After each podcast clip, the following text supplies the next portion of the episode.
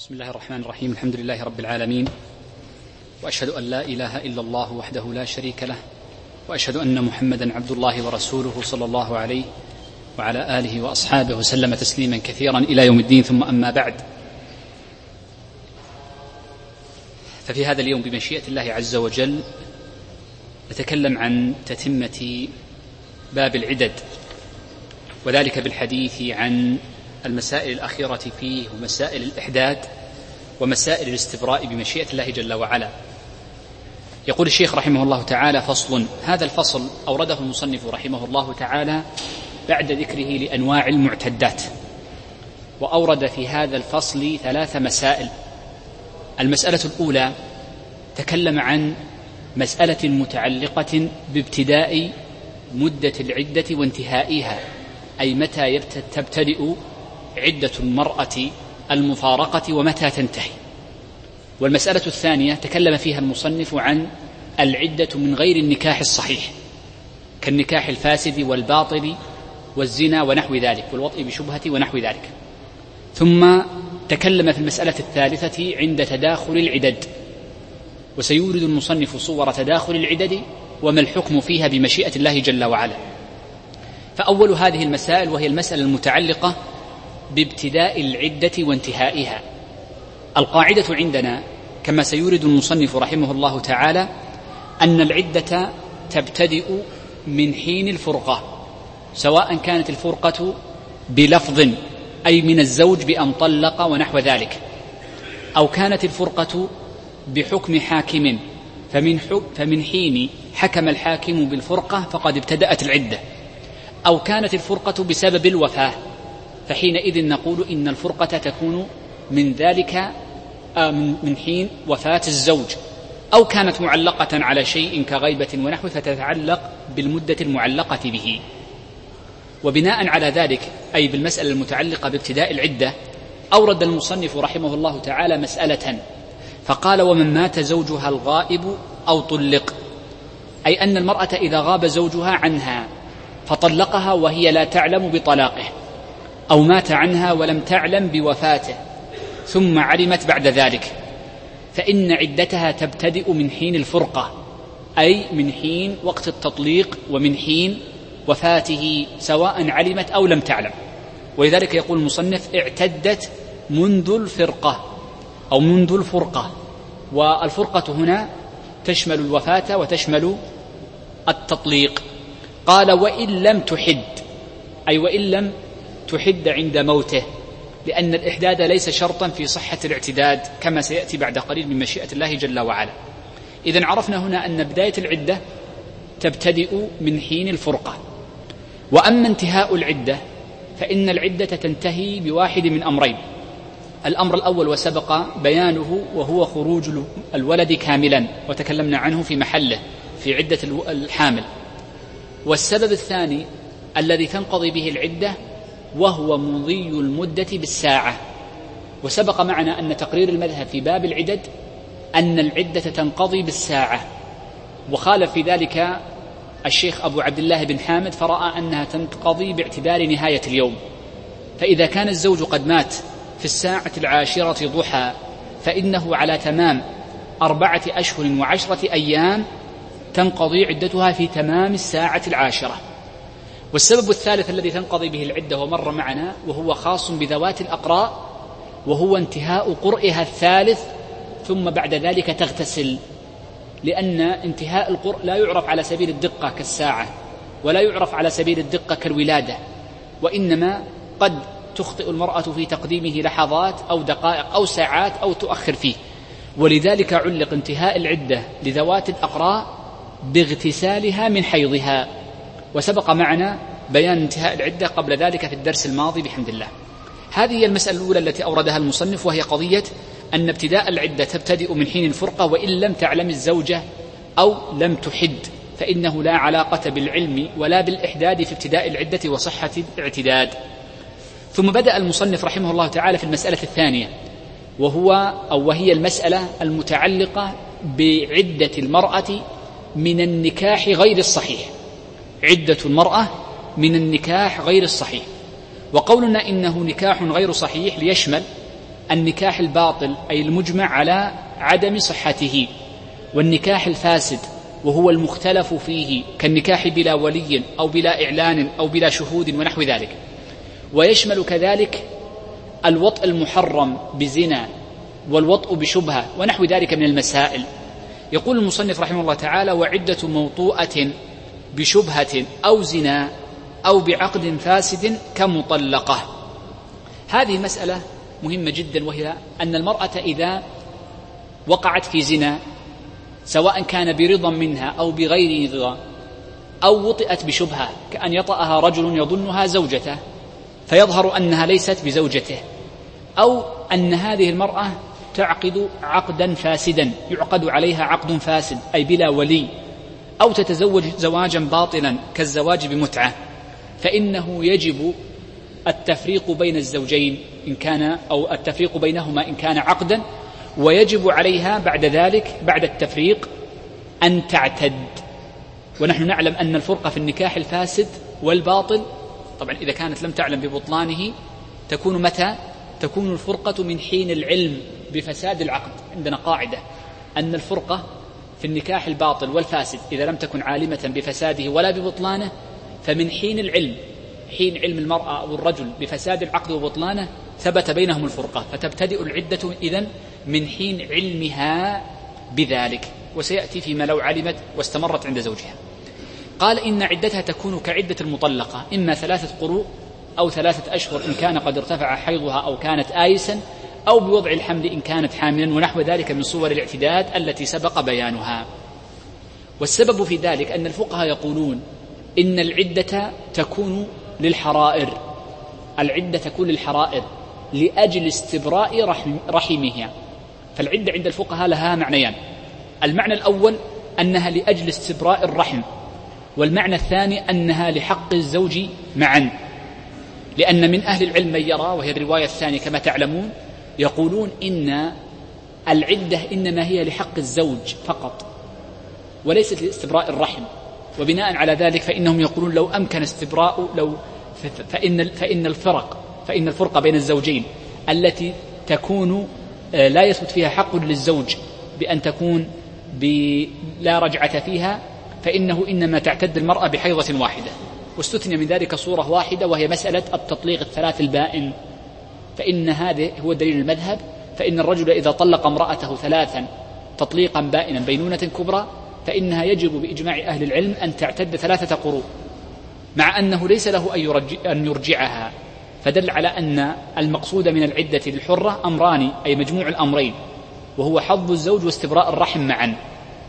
ولذلك فإن مشهور المذهب يقولون إن كل موطوءة من الحرائر فإنها لابد أن تعتد عدة المطلقة ولا تستبرئ بحيضة بل لابد أن تعتد ثلاثة قرون أو نحوها. طيب انظر معي هنا. عندما نقول إن المرأة تعتد ب كالمطلقة فنقول إما أن تكون المرأة ذات زوج وإما أن تكون غير ذات زوج. فالموطوءة بشبهة أو بعقد فاسد قد تكون غير مزوجة. وهذا واضح كأن تكون امرأة أيما غير مزوجة ثم توطأ أو يزنى بها أو يعقد عليها عقد فاسد. فهنا نقول تعتد عدة المطلقة فتمكث المدة ثلاثة أشهر أو ثلاثة قروء أو نحوها. تمكث لا يجوز لها أن تتزوج فيها ولا أن تعقد عقدا جديدا مع زوج آخر. وهذه بلا إشكال واضحة. ليس فيها أي إشكال. فيما لو كانت المرأة أيما غير مزوجة. انظر الحالة الثانية. لو كانت المرأة مزوجة أي أنها متزوجة ثم زني بها أو أنها وطئت بشبهة وطئها رجل يظنها زوجة فإذا هي ليست بزوجته. فهنا نقول إنها في أثناء عدتها تحرم على زوجها من باب الوطء فقط. إذا المرأة التي تعتد بسبب وطء شبهة أو زنا ونحوه إن كانت مزوجة ففي أثناء العدة تحرم يحرم على زوجها وطئها فقط. ولا يحرم عليه سائر ما يتحقق به الاستمتاع من غير الوطء من غير الوطء. طيب هذه المسألة الأولى فيما يتعلق ما الذي تحرم فيه أو من الذي من الذي تحرم ما الذي تحرم عليه في أثناء الوطء؟ المسألة الثانية المتعلقة في أثناء العدة عفوا في أثناء العدة. المسألة الثانية لو كانت المرأة غير ذات زوج انظر معي لو كانت المرأة غير ذات زوج. فإننا نقول تعتد عدة المطلقة إن وطئت بشبهة أو بزنا. فإن أراد ذلك الرجل الذي وطئها بزنا أو بشبهة أو بنكاح فاسد أو باطل أن يتزوجها. فهل يتزوجها؟ يجوز له أن يتزوجها في أثناء العدة أم لا يجوز له ذلك؟ واضح المسألة. فمشهور المذهب كما قرر صاحب الإقناع أنه لا يجوز لمن وطئها أن يتزوجها في أثناء العدة. قال هذا هو ظاهر المذهب وهو المعتمد لا يجوز له بل ينتظر حتى تنقضي عدتها ثم بعد ذلك يتزوجها. ومن صورة ذلك لو أن رجلا زنى بامرأة فيجب عليها أن تمكث ثلاث حيض ثم بعد ذلك يجوز له أن يتقدم لها وأن يتزوجها إن تاب لو أن رجلا تزوج امرأة بعقد فاسد أي بلا ولي ثم علم أن هذا العقد فاسد فإنه يجب عليه أن يفارقها وأن تعتد ثلاثة قروء إن كانت من ذوات القروء ثم بعد ذلك يعقد عليها عقدا جديدا. هذه مسألة. هذا هذا هو مشهور مذهب وظاهره كما ذكر آه، المؤلف في كتاب الإقناع وقال إنه قياس المذهب. الرواية الثانية التي اختارها الموفق رحمه الله تعالى ورجحها جمع من المتأخرين أن من وطئها وخاصة إن كان بعقد فاسد أو باطل جاز له أن يعقد عليها في أثناء عدتها إذا كان جاهلا بالحكم إذا كان جاهلا بالحكم وهذا يعني آه، فيه يعني سعة وهذا ذهب له آه، الموفق كما ذكرت لكم وبعض المتأخرين. يقول الشيخ وإن وطئت معتدة بشبهة أو نكاح فاسد فرق بينهما.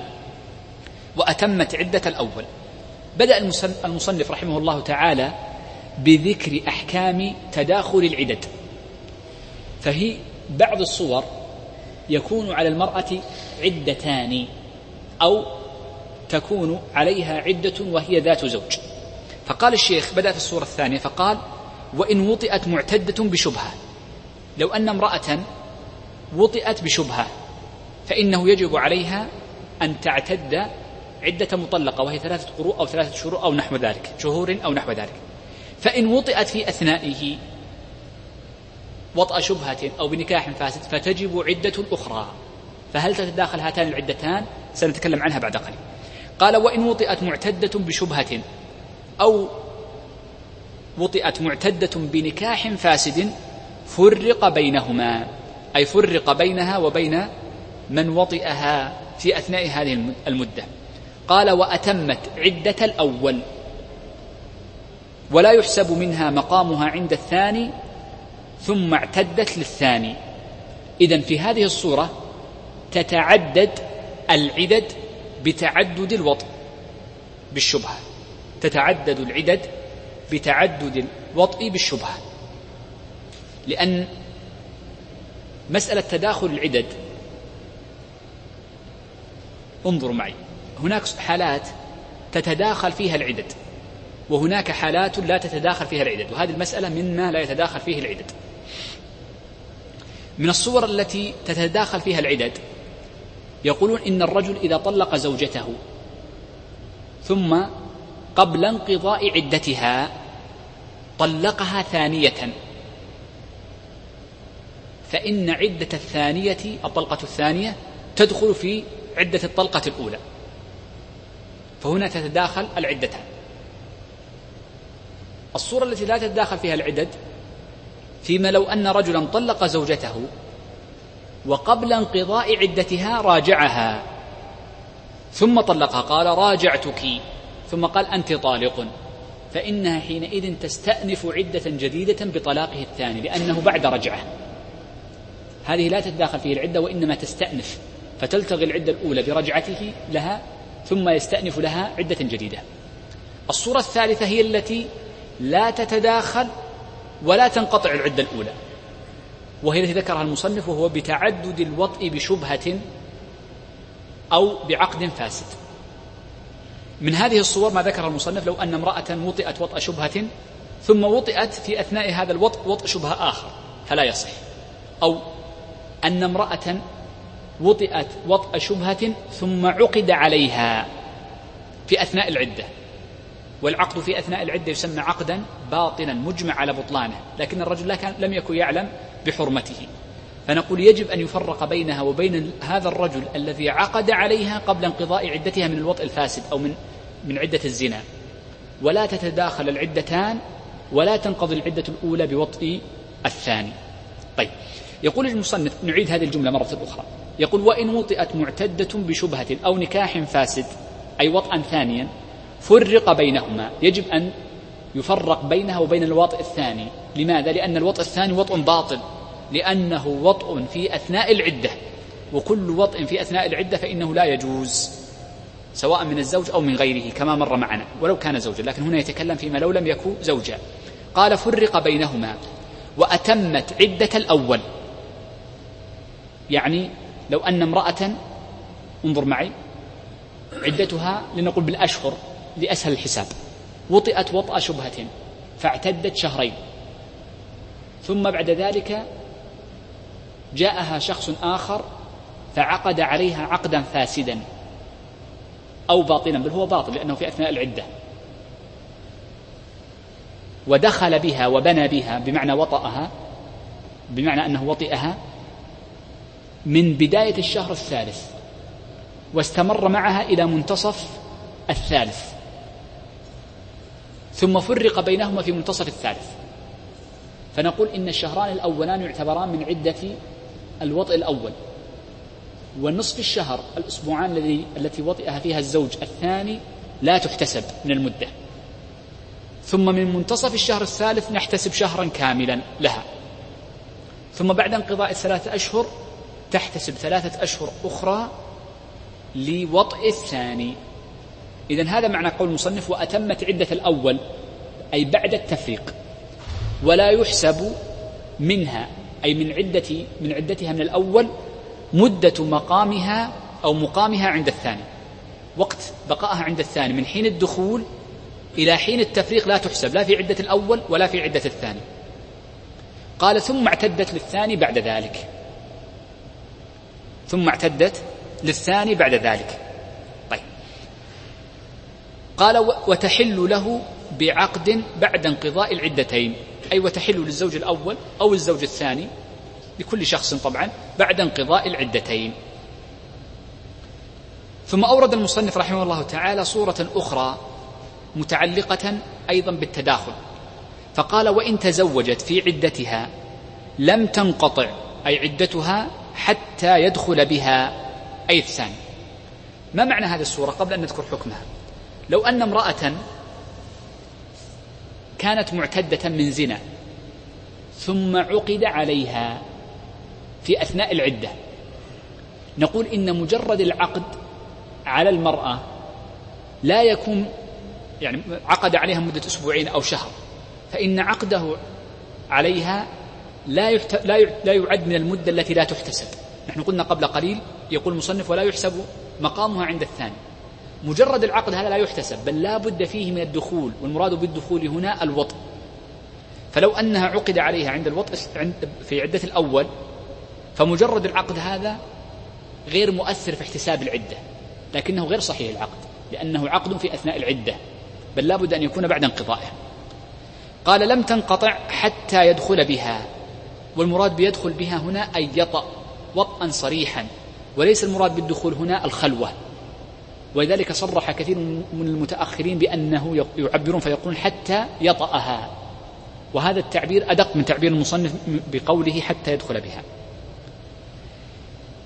يقول الشيخ نعم فإن فارقها بنت على عدتها من الأول ثم استأنفت العدة من الثاني. يقول لو أنها عقد عليها ثم فارقها. بعد ذلك فإنه تجب لها العدة لأجل المفارقة. لأن المذهب أنه تجب العدة حتى في النكاح الفاسد وتجب العدة حتى في النكاح الباطل فتجب عليها عدة أخرى. قال فإن فارقها بنت على عدتها فتكمل عدة الأول ثم تستأنف بعد ذلك عدة من الثاني وهو النكاح الفاسد أو الباطل. يقول وإن أتت بولد من أحدهما انقضت منه أي من الزوج. المرأة إذا كانت عندها عليها عدتان وذكرنا صورتها قبل قليل في الوطء بشبهة ونحوه فولدت فنقول إن هذه الولد إما أن يمكن أن ينسب لأحد الزوجين وإما أن لا يمكن ذلك. فإن أمكن نسبته لأحد الزوجين وغالبا ما يكون الزوج الأول فإن إتيانها بهذا الولد انقضاء لعدتها منه. فلا نقول إنه لو وطئها الزوج الثاني لا تحتسب هذه المدة فنقول لو ولدت مع وطئ الزوج الثاني لها فإنه قد انقضت عدة الأول. والحالة الثانية إن لم يمكن نسبة الولد لأي من الزوجين فيقول أنه يعرض على القافة فإن لم يمكن عرضه على القافة فإنها تستأنف عدة جديدة. ذكر ذلك الفقهاء وهي نادرة. يقول وإن أتت بولد من أحدهما انقضت عدة انقضت منه أي انقضت عدتها من هذا الزوج الذي نسب الولد إليه. انقضت منه عدتها به. هذه الجملة الحقيقة يعني فيها ركاكة بعض الشيء. انظر معي. قول المصنف وإن أتت بولد من أحدهما أي أتت المرأة التي وجبت عليها عدتان بولد من أحدهما أي من الزوجين أو الواطئين اللذان وطئاها انقضت منه عدتها به. أنا أظن أن العبارة هذه فيها تصحيف. والأولى أن يقال انقضت به عدتها منه فتجعل به بعد الانقضاء ومنه بعد عدتها. لأن انقضت يجب أن تنقضي بماذا؟ بالولادة. فتكون يعني وضوح الجملة انقضت بولادتها عدتها من الزوج. لأن منه متعلقة بعدتها من الزوج. وهذا هو الأفصح. ولذلك في بعض المتون المختصرة المتأخرة جعل العبارة كما ذكرت لكم بدلا من العبارة التي أوردها المصنف فلعل فيه تصحيف من النساخ أو غيره. قال ثم اعتدت الآخر أي بعد الولادة.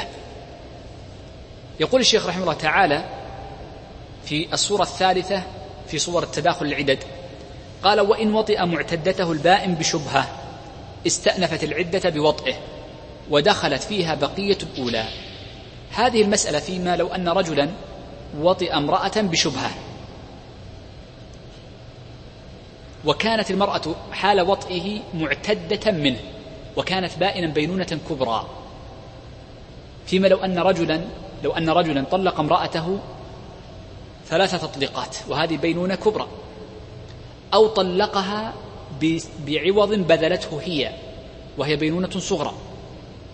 ولكنها بائن تعد طلقة بائن. وفي أثناء العدة في الخلع الذي كان بلفظ الطلاق أو في أثناء العدة بعد الطلاق الثلاث وطئها. فهي قد يكون قد وطئ امرأته البائن منه. لكن وطئه إياها كان بشبهة كان لا يعلم بالحكم أو ظنها زوجته الثانية أو نحو ذلك. وهذا معنى قوله ومن وطئ معتدته البائن فقوله البائن يشمل البينونة الكبرى وهي الطلاق الثلاث ويشمل البينونة آه، الطلاق البائن البينونة الصغرى في أثناء العدة وهو في الخلع إذا كان بلفظ الطلاق. ولم نقل طلقها بعد انقضاء عدتها لأنها تسمى معتدة. إذا لها صورتان. بشبهة وذكرت أمثلة للشبهة. قال استأنفت العدة بوطئه.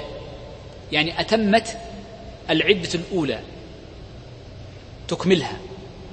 ولا ينقطع وطئه إياها في أثناء ذلك. ودخلت فيها بقية الأولى. يعني أنها تعتد اعتدادا جديدا من حين الوطء معنى ذلك. فتدخل فيها البقية فيكون من باب التداخل. المسألة الرابعة يقول الشيخ وإن نكح من أبانها في عدتها ثم طلقها قبل الدخول بنت.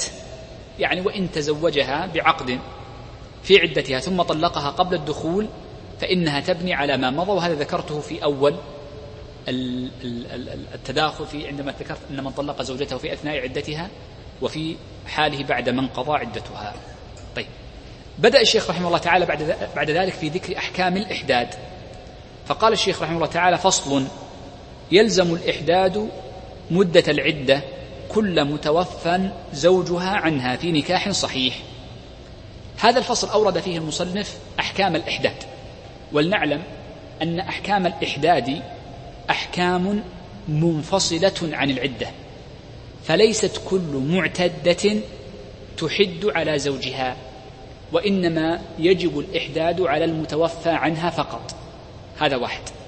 الأمر الثاني أنه يجوز الإحداد على غير المعتدة. يجوز وليس واجبا. وهو أن تحد المرأة على غير زوجها ثلاثة أيام. وقد جاءت فيه الرخصة في حديث أم حبيبة رضي الله عنها.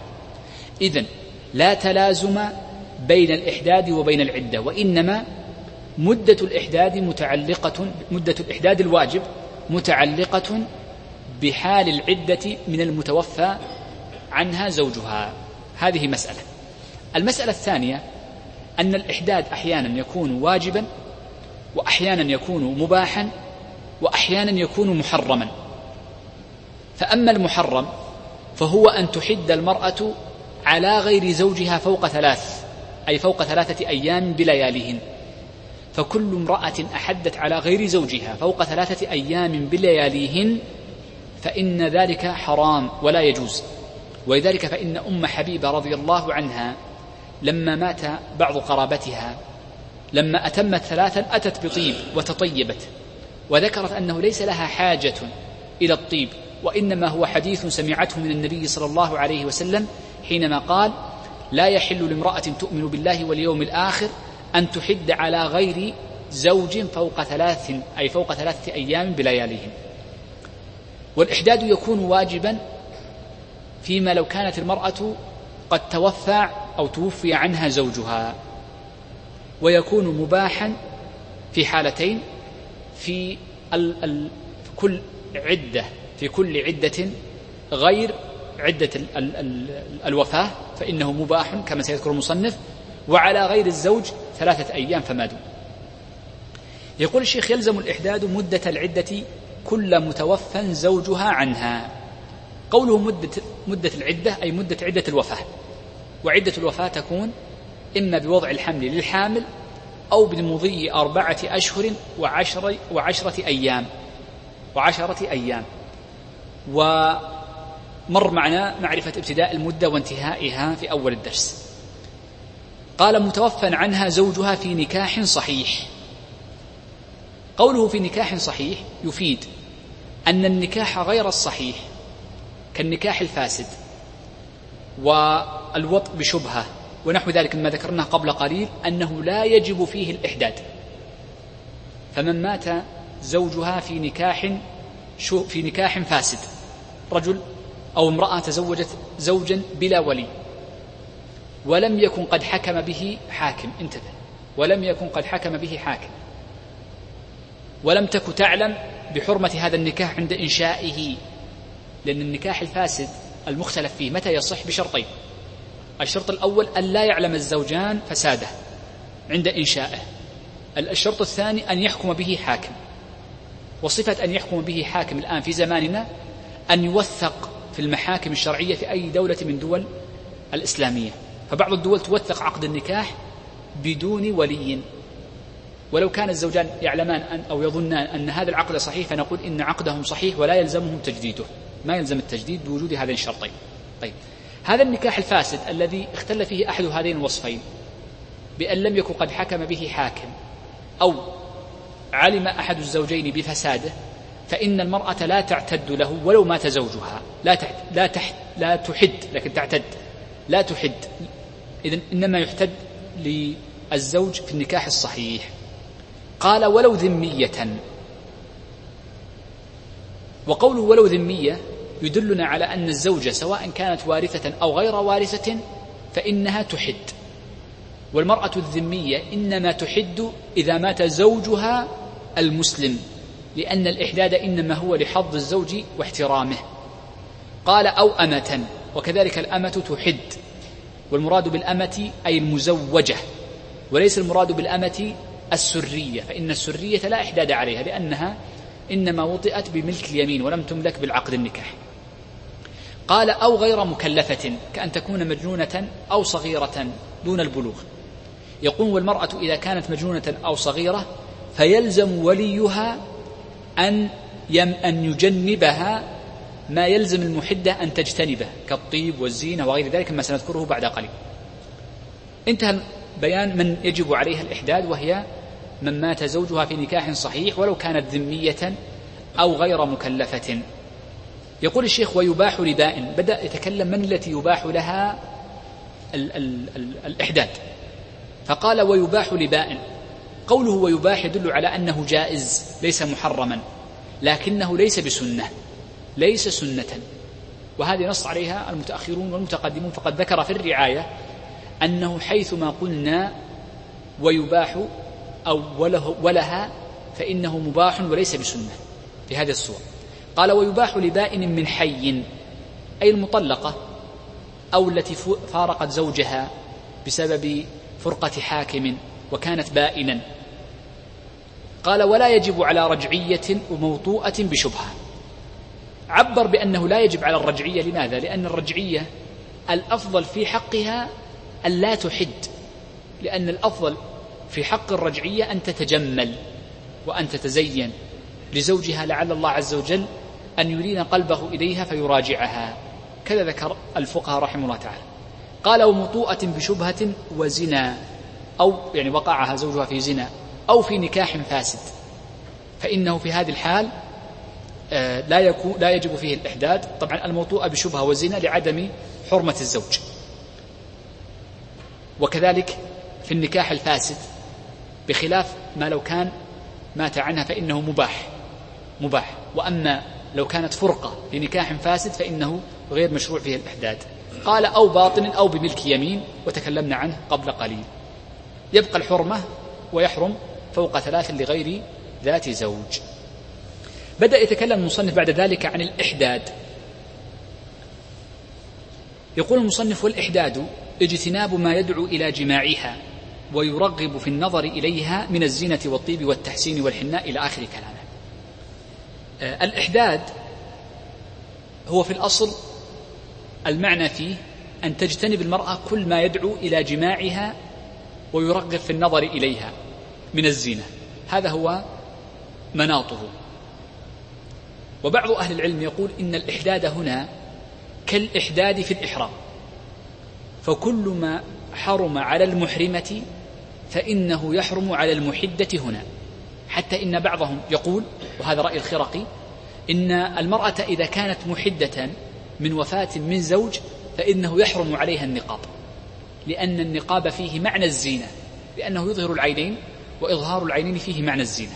ولو زينة أذن بها وهي داخلة في قول الله عز وجل على قول عامة أهل العلم ولا يبدين زينتهن إلا ما ظهر منها وقد ذكر في أن ما ظهر منها قيل الكفان من غير خضاب وقيل إنها العينان وقيل إنه ما يتعلق بالتجسيم للجسم مثل ما جاء في حديث عمر مع مع سودة قد عرفناك يا سودة.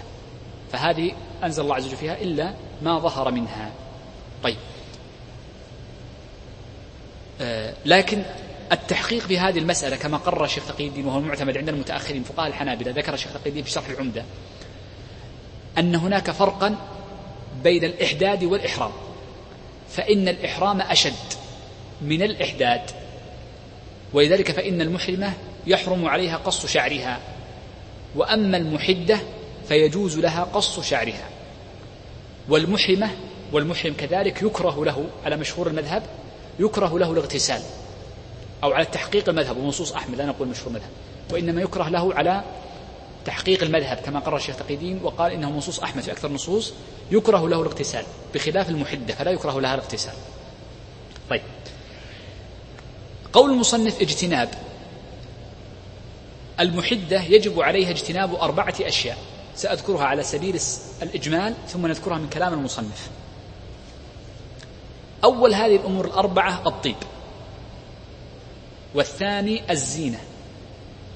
والثالث الخروج من البيت والرابع أن تتقبل الخطاب أو أو أن تنكح في أثناء عدتها. وحتى الخطبة لا يجوز لها وإنما يجوز التعريض فقط.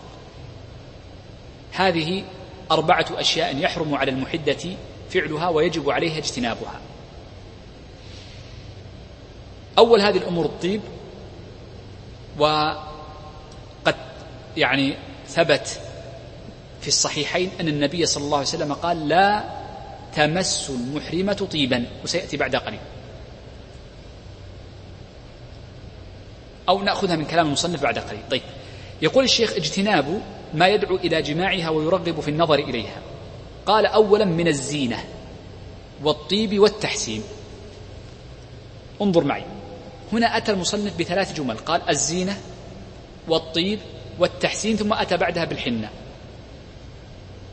وأنا أريدك أن تركز في مسألة التفريق بين الزينة والتحسين.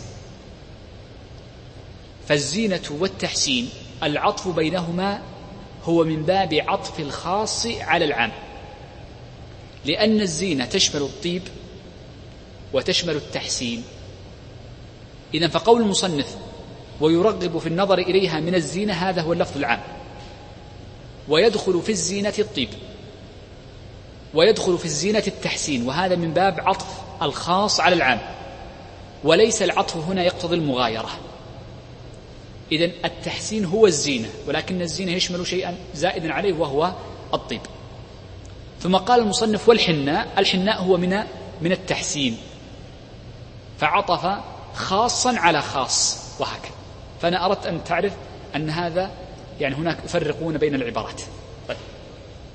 قال الطيب نبدأ أولا في الطيب المحرم على المرأة. الطيب المحرم على المرأة عرفنا دليله وهو ما ثبت في الصحيحين أن النبي صلى الله عليه وسلم قال ولا تمسوا أي المحدة طيبا. والحديث الصحيحين من حديث أم سلمة رضي الله عنها. وهذا الطيب يشمل ما يتطيب به ويشمل ما يدهن به. ويشمل ما يدهن به إذا كان الدهن فيه طيب. وأما إذا كان الدهن لا طيب فيه فإنه يجوز للمحدة من غير كراهة بخلاف المحرم أو المحرمة. فإن المحرم يحرم عليه الدهن المطيب ويكره يجوز له لكن مع الكراهة جواز مع الكراهة يكره له للدهان في شعره وفي بدنه. إذا المحرم والمحرمة هو أشد وأغلظ من المحدة. المحدة أقل. فيباح لها الدهن بلا طيب ويحرم عليها الدهن بالطيب. طيب. قال والتحسين. التحسين هنا هنا المصنف جعل التحسين جزءا من الزينة. وبعض الفقهاء ومنهم يعني الموفق في المغني وغيره يجعل التحسين هو الزينة. ولكن لا مشاحة في الاصطلاح. لكن نقول التحسين ثلاثة أنواع. إما أن يكون التحسين في البدن وإما أن يكون التحسين في الثوب وإما أن يكون التحسين في الحلي. ثلاثة أشياء يشملها التحسين. تحسين في البدن وتحسين في الثوب وتحسين في الحلي. نبدأ اولا بالتحسين الذي يكون في البدن والنفس. التحسين الذي يكون في البدن والنفس يشمل ما ذكره المصنف وهو الحناء. وفيما معنى الحنة كالخضاب. الحنة قد يكون للرأس والخضاب. ويشمل كذلك أيضا الكحل. ويدخل في الكحل كل ما كان في معنى الكحل كالتحمير والتصفير والتبييض الفقهاء قديما كانوا يذكرون تحمير الوجنتين وتصفيره بالزعفران وتبييضه بالصبر يجعلون على الوجه فتبيض بشرة المرأة قديما. كل هذه الأمور الثلاثة محرمة على المرأة في أثناء عدتها. إذا عرفنا أولا أنه يحرم عليها الحناء ويحرم عليها الكحل وما كان في معنى الحناء والكحل مثل التحمير والتصفير والتبييض وهي التي يسمى الآن عندنا بأدوات المكياج. تحرم تماما على المرأة المحدة.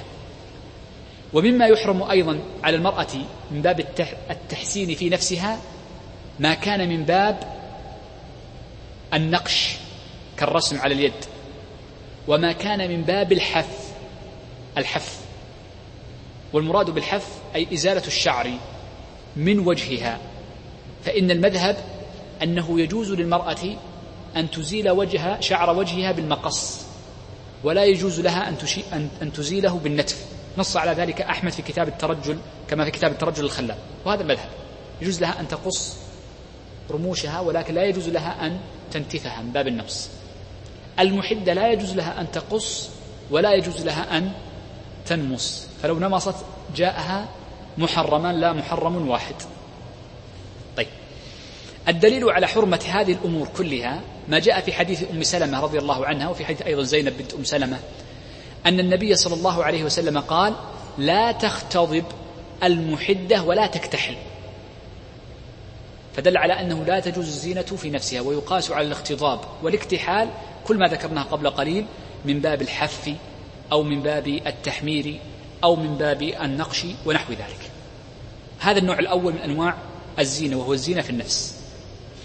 النوع الثاني من الزينة أو التحسين التحسين في الثياب وهو الذي عبر عنه المصنف بقوله وما صبغ للزينة والدليل على حرمة هذا الشيء للمرأة ما ثبت في صحيح مسلم من حديث أم عطية رضي الله عنها أن النبي صلى الله عليه وسلم قال لا تلبس المحدة ثوبا مصبوغا. فدل على أن الثوب المصبوغ للزينة كما عبر المصنف رحمه الله تعالى أنه يكون محرما وهذا الزينة في الثوب. وقبل أن نذكر الضابط في الثياب المحرمة للمحدة. نجد أن الفقهاء رحمه الله تعالى لهم تعبيران. فبعضهم يعبر مثل ما ذكر المصنف بقوله ما صبغ للزينة وبعضهم يعبر بقوله الملون من الثياب. الملون من الثياب. وذلك أن المصبوغ نوعان. إما أن يكون مصبوغا قبل النسج وإما أن يكون مصبوغا بعد النسج. يعني صبغ ثم نسج أو أنه يعني منسوج ثم صبغ بعد ذلك. والمذهب أن ألا فرق بين النوعين فكلاهما يدخلان في المحرم. وإنما ذكرت هذا التقسيم إيماء لخلاف بعض أهل العلم أنهم يفرقون بين النوعين. فوقفوا عند ظاهر النص فقالوا المصبوغ الذي يكون صبغه بعد نسجه والصحيح أنه لا فرق بين المصبوغ قبل النسج وبعده. هذا واحد. القيد الثاني أن يكون أن يكون آه، اللون للزينة. فإن الألوان نوعان لون للزينة ولون لغير الزينة. وهذا هو الوصف المؤثر عند أصحابنا. فيقول أن اللون إذا كان للزينة بأن كان وجد فيه أحد أمرين. إما أن لونه فاتح لونا فاتحا أو كان غامقا أو ولو كان غامقا لكنه لا يلبس إلا للتجمل عند النساء فإنه يحرم لوجود أحد هذين الوصفين. إذا قول المصنف وما صبغ للزينة يشمل أمرين كل ما كان اللون فيه فاتحا أو كل ما كان الثوب الملون فيه لا يلبس إلا للزينة يعني لا تلبس المرأة إلا للتجمل أمام النساء الأجنبيات أو تتجمل به أمام الرجال لا يجوز لها أي لزوجها أن تلبسه ولذلك لما أرادوا أن يتكلموا عن الأول وهو الفاتح قالوا كالأحمر عبروا كذا قالوا كالأحمر والأصفر والأزرق والأزرق الصافي طبعا ليس الكحلي الغامق وكالأخضر الصافي غير الغامق فإنه يقولون يحرم على المحدة.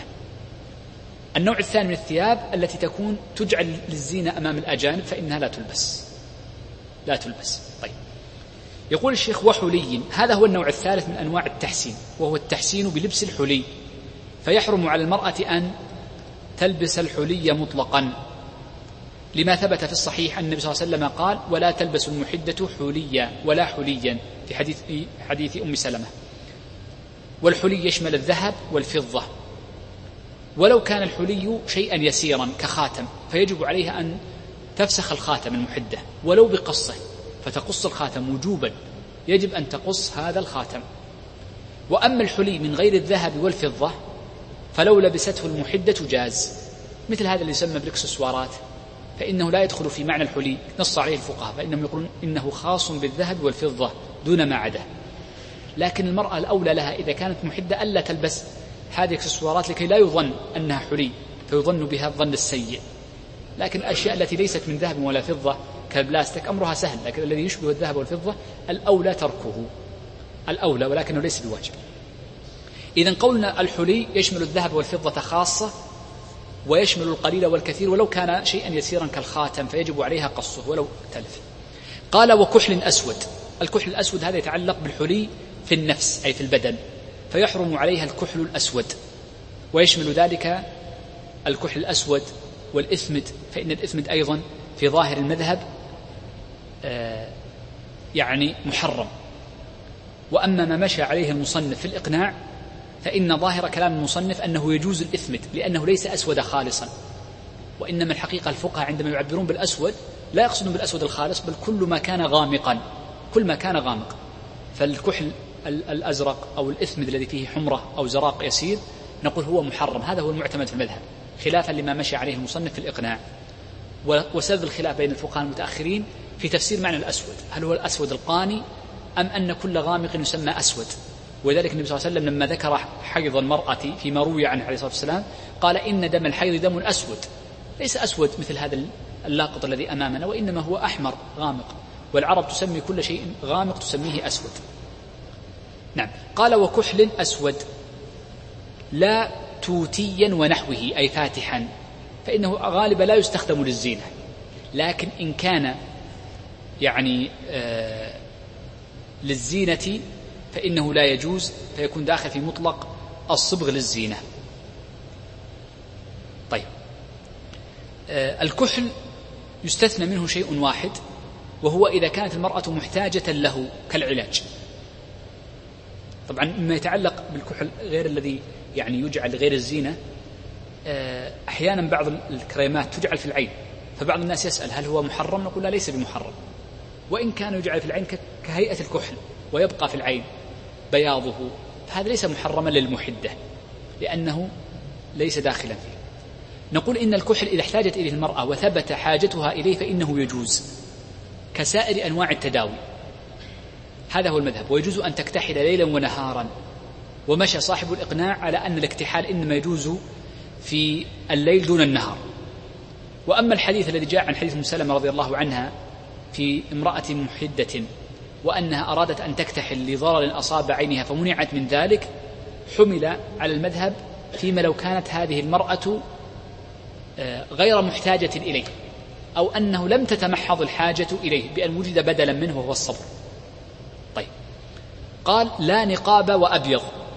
أي فيجوز المرأة أن تلبس النقاب. وذكر المصنف أنه يجوز المرأة المحدة أن تلبس النقاب إيماء لخلاف أبي القاسم الخرقي رحمه الله تعالى. وهنا فائدة تتعلق بمختصر أبي القاسم الخرقي. فالقاعدة عند فقهائنا وذكر هذه المسألة الشيخ أبو عبد الله بن حامد ذكرنا قبل قليل في آخر كتابه تهذيب الأجوبة. فإنه قد ذكر أن كل ما ذكره أبو القاسم الخرقي في مختصره المشهور بمختصر الخرقي أنه نص الإمام أحمد. كل ما ذكره فإنه نص للإمام أحمد إلا مسائل معدودة فإنها ليست نص أحمد وإنما هي اجتهاد من الخرقي وقد عدوها عدا عدوها عدا. وممن عد هذه المسائل تذكرون؟ عدها اثنان أبو عبد الله بن حامد هنا في آخر تهذيب الأجوبة وعدها رجل آخر طبعت قديما مستلة من طبقات القاضي أبي حسين ابن القاضي أبي يعلى وهو أبو بكر عبد العزيز. فقد عد مسائل خالف فيها الخرقي نص الإمام أحمد.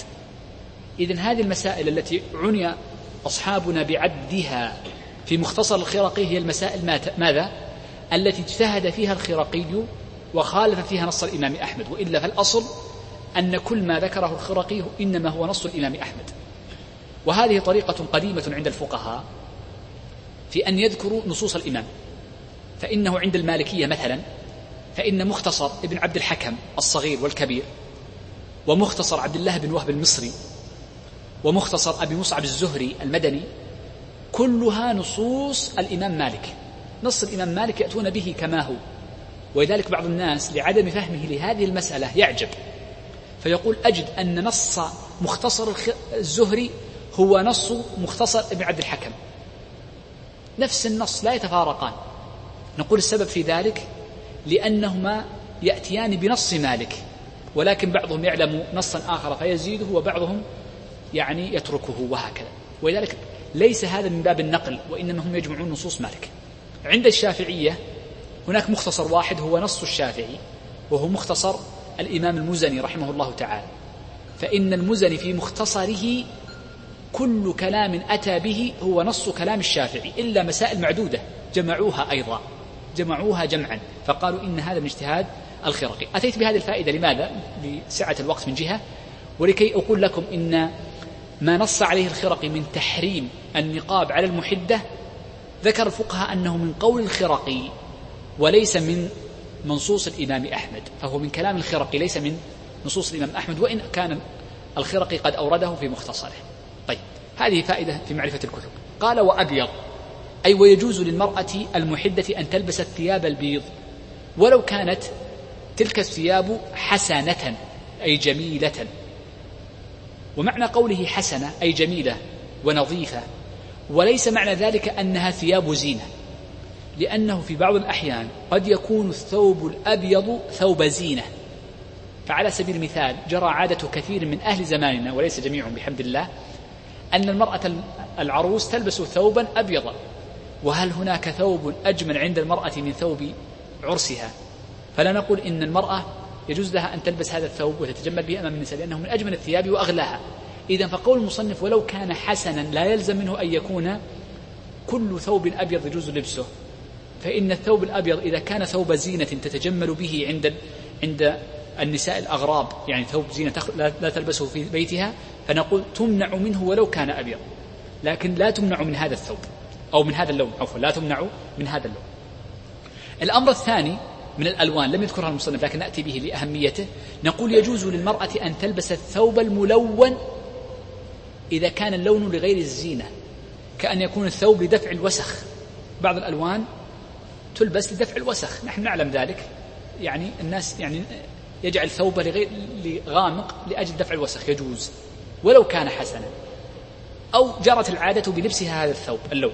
يعني مثل الألوان الغامقة دائما جرت العادة بلبسها. لا يلزم الأسود أن تلبس المرأة أسود أو أبيض فقط بل تلبس ما شاءت من الألوان لكن لا يكون فاتحا ولا ثوب زينة في ذاته.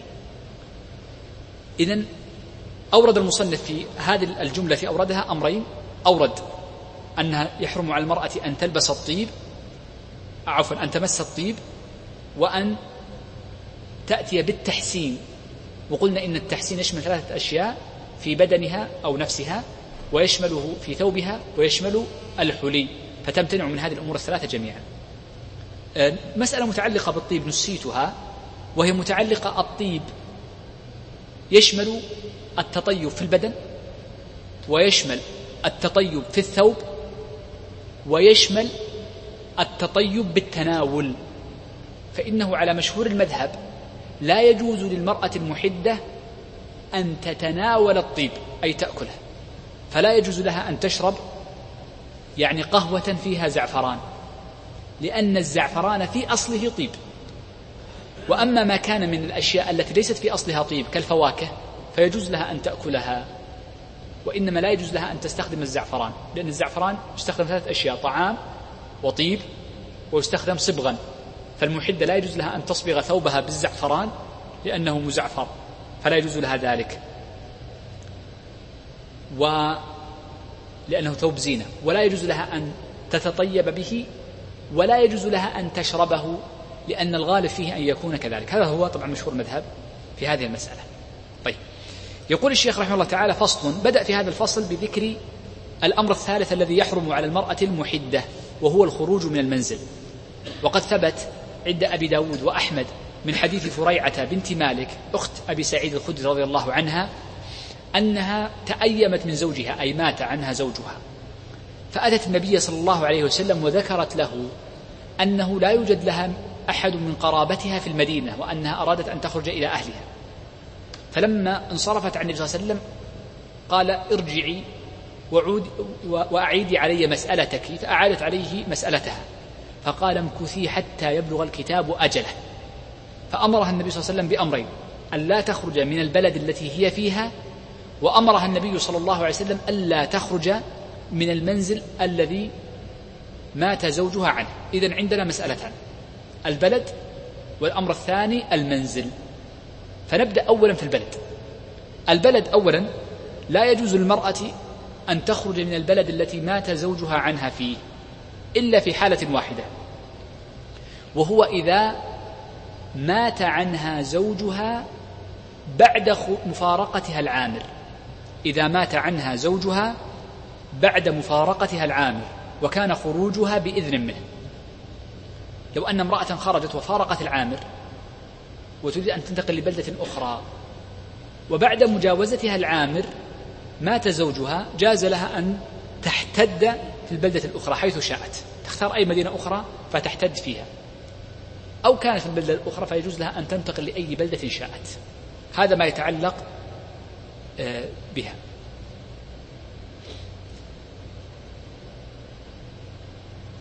طبعا إن ماتت قبل مفارقة العامل مفهوم الكلام يعني ما زالت في داخل البلد وإن كانت منشئة للسفر فيلزمها العود لمنزلها فقط من باب التنبيه لهذه المسألة.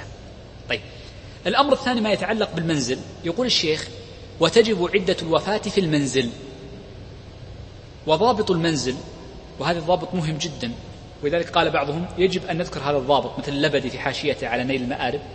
ضابط المنزل هو هو المنزل الذي مات زوجها وهي ساكنة فيه.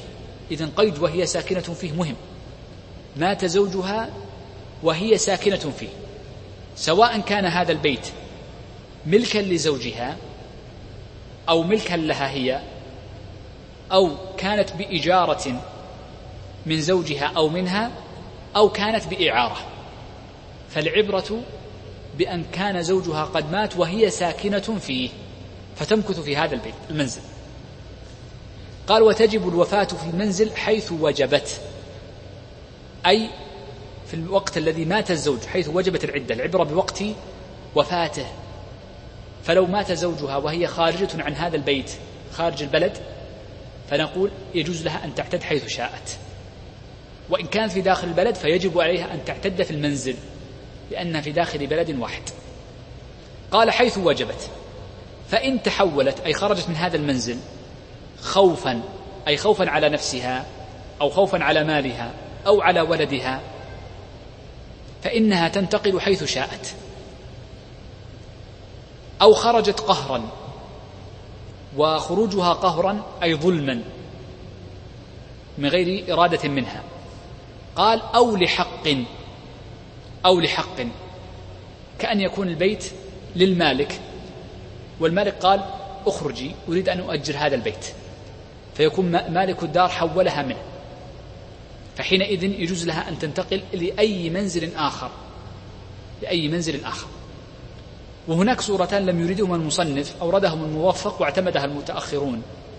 فيما لو كان البيت مستأجرا وطلب المؤجر منها فوق أجرته المعتادة فإنه حينئذ يجب عليها الخروج. والحالة الخامسة يجوز لها الخروج عفوا. والحالة الخامسة إذا لم تجد هي من المال ما تكتري به. إذا لم تجد هي من المال ما تكتري به. إلا من مالها هي فلا يلزمها أن تكتري بهذا الثمن. طيب. قال انتقلت حيث شاءت. مفهوم هذه الجملة أن من انتقلت بلا حاجة فيجب عليها أن ترجع إلى منزلها. يقول الشيخ ولها الخروج لحاجتها نهارا لا ليلا.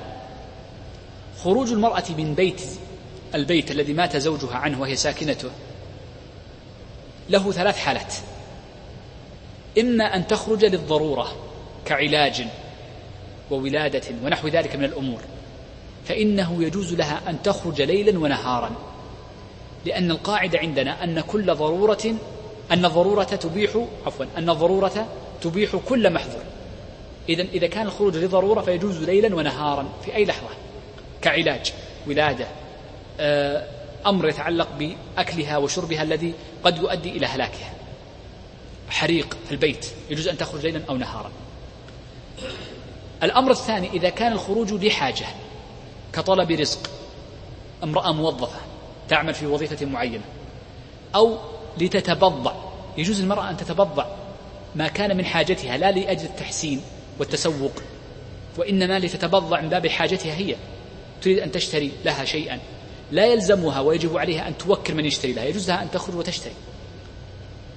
إذا كل ما كان من باب الحاجة يجوز أن تخرج له في النهار دون الليل. إذا ما كان من باب الحاجة تخرج له نهارا لا ليلا كالتبضع وكالطلب الرزق أو كان المرأة عندها حلال يعني غنم فتريد أن تقوم ب يعني رعي حلالها والقيام بشأنه أو عندها الزراعة وتقوم بالزرع. وأحيانا من الحاجة وانظر لهذه الحاجة بعض النساء يأتيهن اكتئاب شديد بعد الوفاة وخاصة أنها مات زوجها وعائلها ويأتيها من الانغلاق وخاصة في مجتمعنا الآن حينما قلت العلاقات الاجتماعية كثيرا عن الوقت السابق. فقد تقول يعني محتاجة إلى الخروج من بيتها لترفه عن نفسها الترفيه المعتاد لشدة حاجتها فنقول يجوز لها الخروج في النهار. فتخرج للبر وخاصة من كانت معتادة على البر دائما المعتادة على البر إذا يعني سكيت عليه في البيت تنقبض نفسه فتخرج في النهار لكنها تعود في الليل لأنها ليست ضرورة وإنما هي حاجة. إذا مطلق الحاجة والحاجة متوسعة متوسع فيها ونحن نعلم أن طريقة أصحابنا في الحاجة من أوسع المذاهب في الحاجة. تعرفون هذا الشيء؟ وذلك يجوزون الجمع للحاجة ويجوزون العرايا للحاجة ويجوزون أشياء كثيرة للحاجة. طيب. إذا قال ولها الخروج لحاجتها نهارا. ومن باب ومن باب أولى أيضا الضرورة يجوز لها أن تخرج نهارا وليلا. وأما لغير حاجة وهو السورة الثالثة لا يجوز لها الخروج لا نهارا ولا ليلا. تخرج لتتمشى هكذا تذهب للسوق تذهب لزيارة صديقاتها وقرائبها لا يجوز لها الخروج لا نهارا ولا ليلا لعدم الحاجة. لكن لو كانت أمها مريضة وتحتاج أمها من يقوم على حاجتها فتخرج لها نهارا. وإن كانت أمها تضطر يعني مضطرة إلى خدمتها فتخرج لها ليلا ونهارا. قال وإن تركت الإحداد أثمت وتمت عدتها بمضي زمنها. الإحداد ليس شرطا في صحة الاعتداد وإنما هو واجب منفصل. ولذلك لو تركت الإحداد مطلقا أو تركت أو تركت الإحداد في المنزل فقط وهو واحد من الأمور الأربعة ذكرناها قبل قليل أثمت إثما وليس عليها كفارة وعدتها تنقضي بمضي الزمن. إذا لا تعلق وارتباط بينهما. فليس صحة العدة مرتبط بالإحداد ولا يلزمها أن تستأنف من جديد وإنما تنقضي بمضي زمنها. آه عندنا هنا مسألة مهمة جدا في قول المصنف وتجب عدة الوفاة في المنزل. عدة الوفاة في المنزل. عرفنا قبل قليل ما هو المنزل الذي تلزم فيه. ما هو حد المنزل؟ نقول إن حد المنزل السور. فكل ما كان في داخل السور فإنه يعتبر منزلا وبناء على ذلك. فلو كان في السور منزلان بعض البيوت يكون فيه بيتان وسورهما واحد السور واحد بينهما. فيجوز المرأة أن تنتقل من البيت الأول للبيت الثاني وهذا يتصور في بعض الرجال يكون له زوجتان. فيجعل لكل زوجة بيتا ولكن السور بينهما واحد. فنقول إذا يجوز لها أن تنتقل بين هذين البيتين ما دام السور واحدا لأن العبرة في المنزل هو السور. في مسألة الشقق الآن لو كانت المرأة في عمارة وهذه العمارة فيها أربع أو ست أو عشر شقق هل يجوز لها أن تدخل غير هذه الشقة الشقة الثانية والثالثة والرابعة؟ نقول نعم يجوز لها أن تنتقل للشقق الأخرى. وقد أفتى بذلك بعض مشايخنا تخريجا عن المذهب. أنا لم أرى نصا لهم في قضية العلو والسفل ولكن بعض مشايخنا يقولون يجوز لها أن تنتقل لأنه في مثابة السور الواحد. فتنتقل للشقة التي بجانبها ويكون من باب الحاجة فتخرج لها في النهار. والأولى ألا تخرج له في الليل. الباب الأخير وهو باب قصير جدا وأهميته قليلة على مشهور المذهب وهو باب الاستبراء. والاستبراء هو استفعال من البراءة والمقصود به استبراء الرحم. وتمييزه. هل هل المرأة التي تستبرأ أهي حائض أهي حامل أم أنها حائل؟ ليست بحامل. والاستبراء على مشهور المذهب إنما هو خاص بالإماء فقط. وأما على الرواية الثانية من المذهب فإنهم يتوسعون في الاستبراء فيرون أن كل فرقة ليس فيها حظ للزوج فإنما يجب فيها استبراء فقط.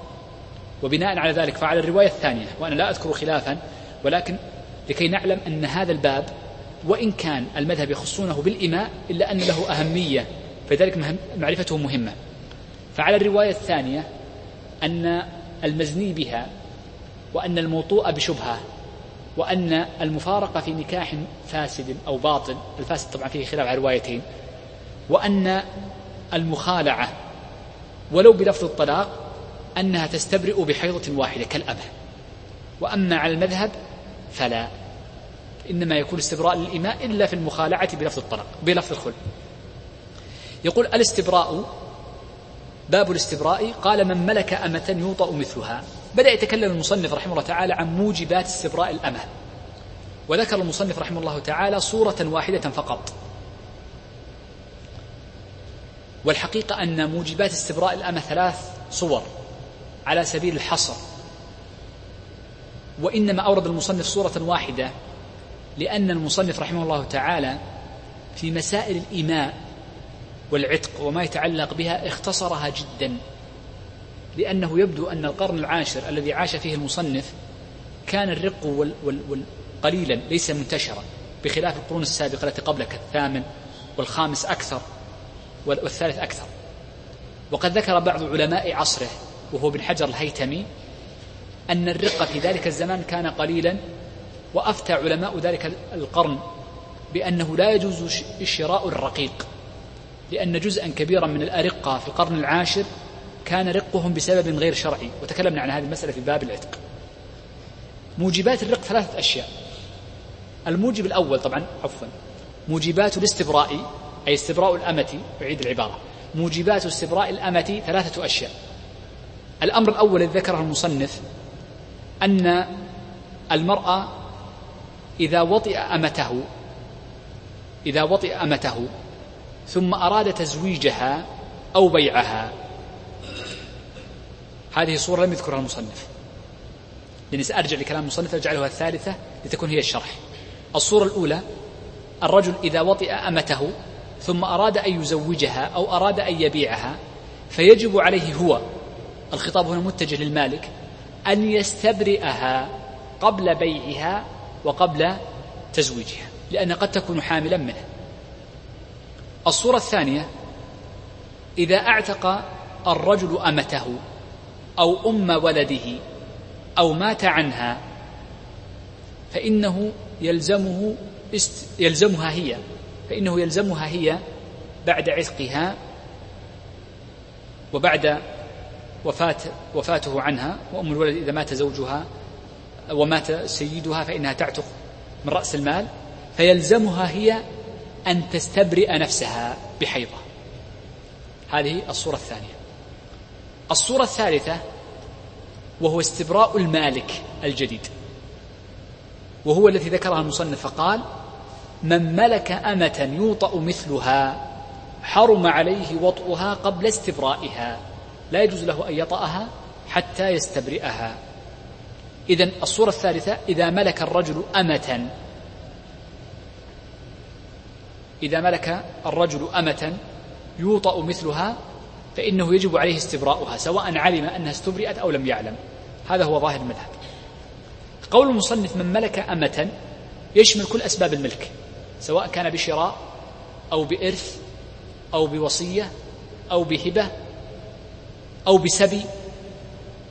كل هذه أسباب الملك توجب الاستبراء. قال أمة يوطأ مثلها. يوطأ مثلها. إذا الأمة إذا كان لا يوطأ مثلها بأن كانت صغيرة وما ضابط الأمة المرأة التي لا يوطأ مثلها؟ أن تكون بنت. أن تكون بنت تسع. فتسع فأكثر يوطأ مثلها. أقل من تسع لا يوطأ. وأما الرجل الذي يطأ مثله وهو ابن عشر. عندنا أحيانا أحكام تتعلق قلت لكم قبل أظن أحكام تتعلق بالتمييز وأحكام تتعلق بالوطء وأحكام تتعلق بالبلوغ وأحكام تتعلق بالرشد بالرشد وأحكام تتعلق بالمراهقة. وكل سن من هذه الأسنان الخمسة لها أحكام تخصه. طيب قال من صغير وذكر وضدهما. قول المصنف من يحتمل أن يعود للمالك الثاني وتحتمل أن تكون للمالك الأول وكلا المعنيين صحيح. المالك الثاني بأن كان المشتري صغيرا فيجب عليه استبراء أو كان المالك الثاني ذكرا أو أنثى صغيرا أو كبيرا أو ذكرا أو أنثى فيجب على المالك الثاني أن يستبرئ. وإن قلنا إن قوله من يعود للمالك الأول فلو كان المشري منه صغيرا أو كبيرا يعني يطأ أو لا يطأ ذكرا أو أنثى فيجب الاستبراء أيضا. وهذا من باب الحكم الكلي بناء على أغلب صوره. قال من صغير وذكر وضدهما أي كبير وأنثى. قال حرم عليه وطئها أي هذه الأمة ومقدماته مقدمات الوطء قبل استبرائها لما جاء عن ابن عمر رضي الله عنه في هذا الباب.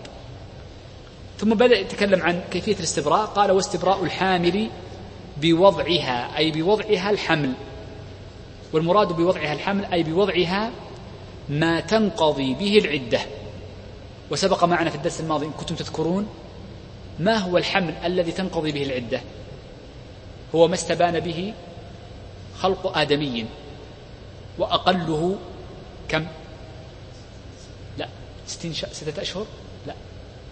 وأقله واحد وثمانون يوما. هذا هو أقله على مشهور مذهب. يعني في درس آخر سنتكلم عن روايتين فرق بين الأربعين والثمان إذا لابد أن يكون هذا المولود عمره واحد وثمانين يوم فأكثر. لماذا قالوا وأقله؟ لأنه ربما يخرج الجنين غير مستبين الخلقة. تكلمنا عنها. فدل على أنه لم يتخلق أساسا ولو كان عمره أربعة أشهر. لا نعتبر به. لا نعتبر به. ذكرت لكم قبل أن الجنين هناك أحكام تتعلق إذا كان عمره كم؟ لحظة. وهناك أحكام تتعلق فيما إذا كان عمره كان عمره أربعين يوم وليلة. وهناك أحكام تتعلق فيما إذا جاوز عمره ثمانين. وهناك أحكام تتعلق فيما إذا جاوز عمره مئة وعشرين يوما. مئة وعشرين يوما. وهناك أحكام تتعلق بأكثر مدة الحمل وهي تسعة أشهر. طيب. قال ومن تحيض بحيضة أي بحيضة كاملة لا ببعضها. فلو أنه بدأ استبراؤها وهي حائض لا يجزئ بل لا بد أن تأتي بحيضة كاملة أي بقرء كامل فتحيض وتطهر في أثناء الاستبراء. قال والآيسة والصغيرة وكذلك من لم تحض بمضي شهر. لأن عدتها ثلاثة أشهر فهنا بمضي شهر. أيضا لم يذكر المصنف لكن نفهمها من كلام المصنف الأول وهنا أن التي ارتفع حيضها ولم تعلم ما الذي رفعه فإنها تعتد أو تستبرئ بتسعة أشهر. عفوا بعشرة أشهر. تسعة أشهر الحمل وشهر زائد عن حمل استبراء. وأما المرأة التي ارتفع حيضها وهي تعلم ما يعني رفعه فإنها تمكث كالحرة لحين انقطاع حيضها وهو الإياس. آه، طبعا ذكر المصنف أنه يحرم وطء المستبرأة وكذلك يحرم مقدمات الوطء كالمباشرة والتقبيل وغيره وغير ذلك لأنه قد يؤدي إلى الوطء فيكون فيه يعني التباس في الأنساب وحينئذ حرم تحريم وسائل لا تحريم مقاصد. بذلك نكون أنهينا بحمد الله عز وجل باب العدة كاملا. في الدرس القادم بمشيئة الله عز وجل نبدأ بباب الرضاع إن شاء الله عز وجل ونكمل ما بعده. نبدأ بالرضاع وأول النفقات وننهي النفقات في الدرس الذي بعده أسأل الله عز وجل الجميع التوفيق والسداد وصلى الله وسلم على نبينا محمد.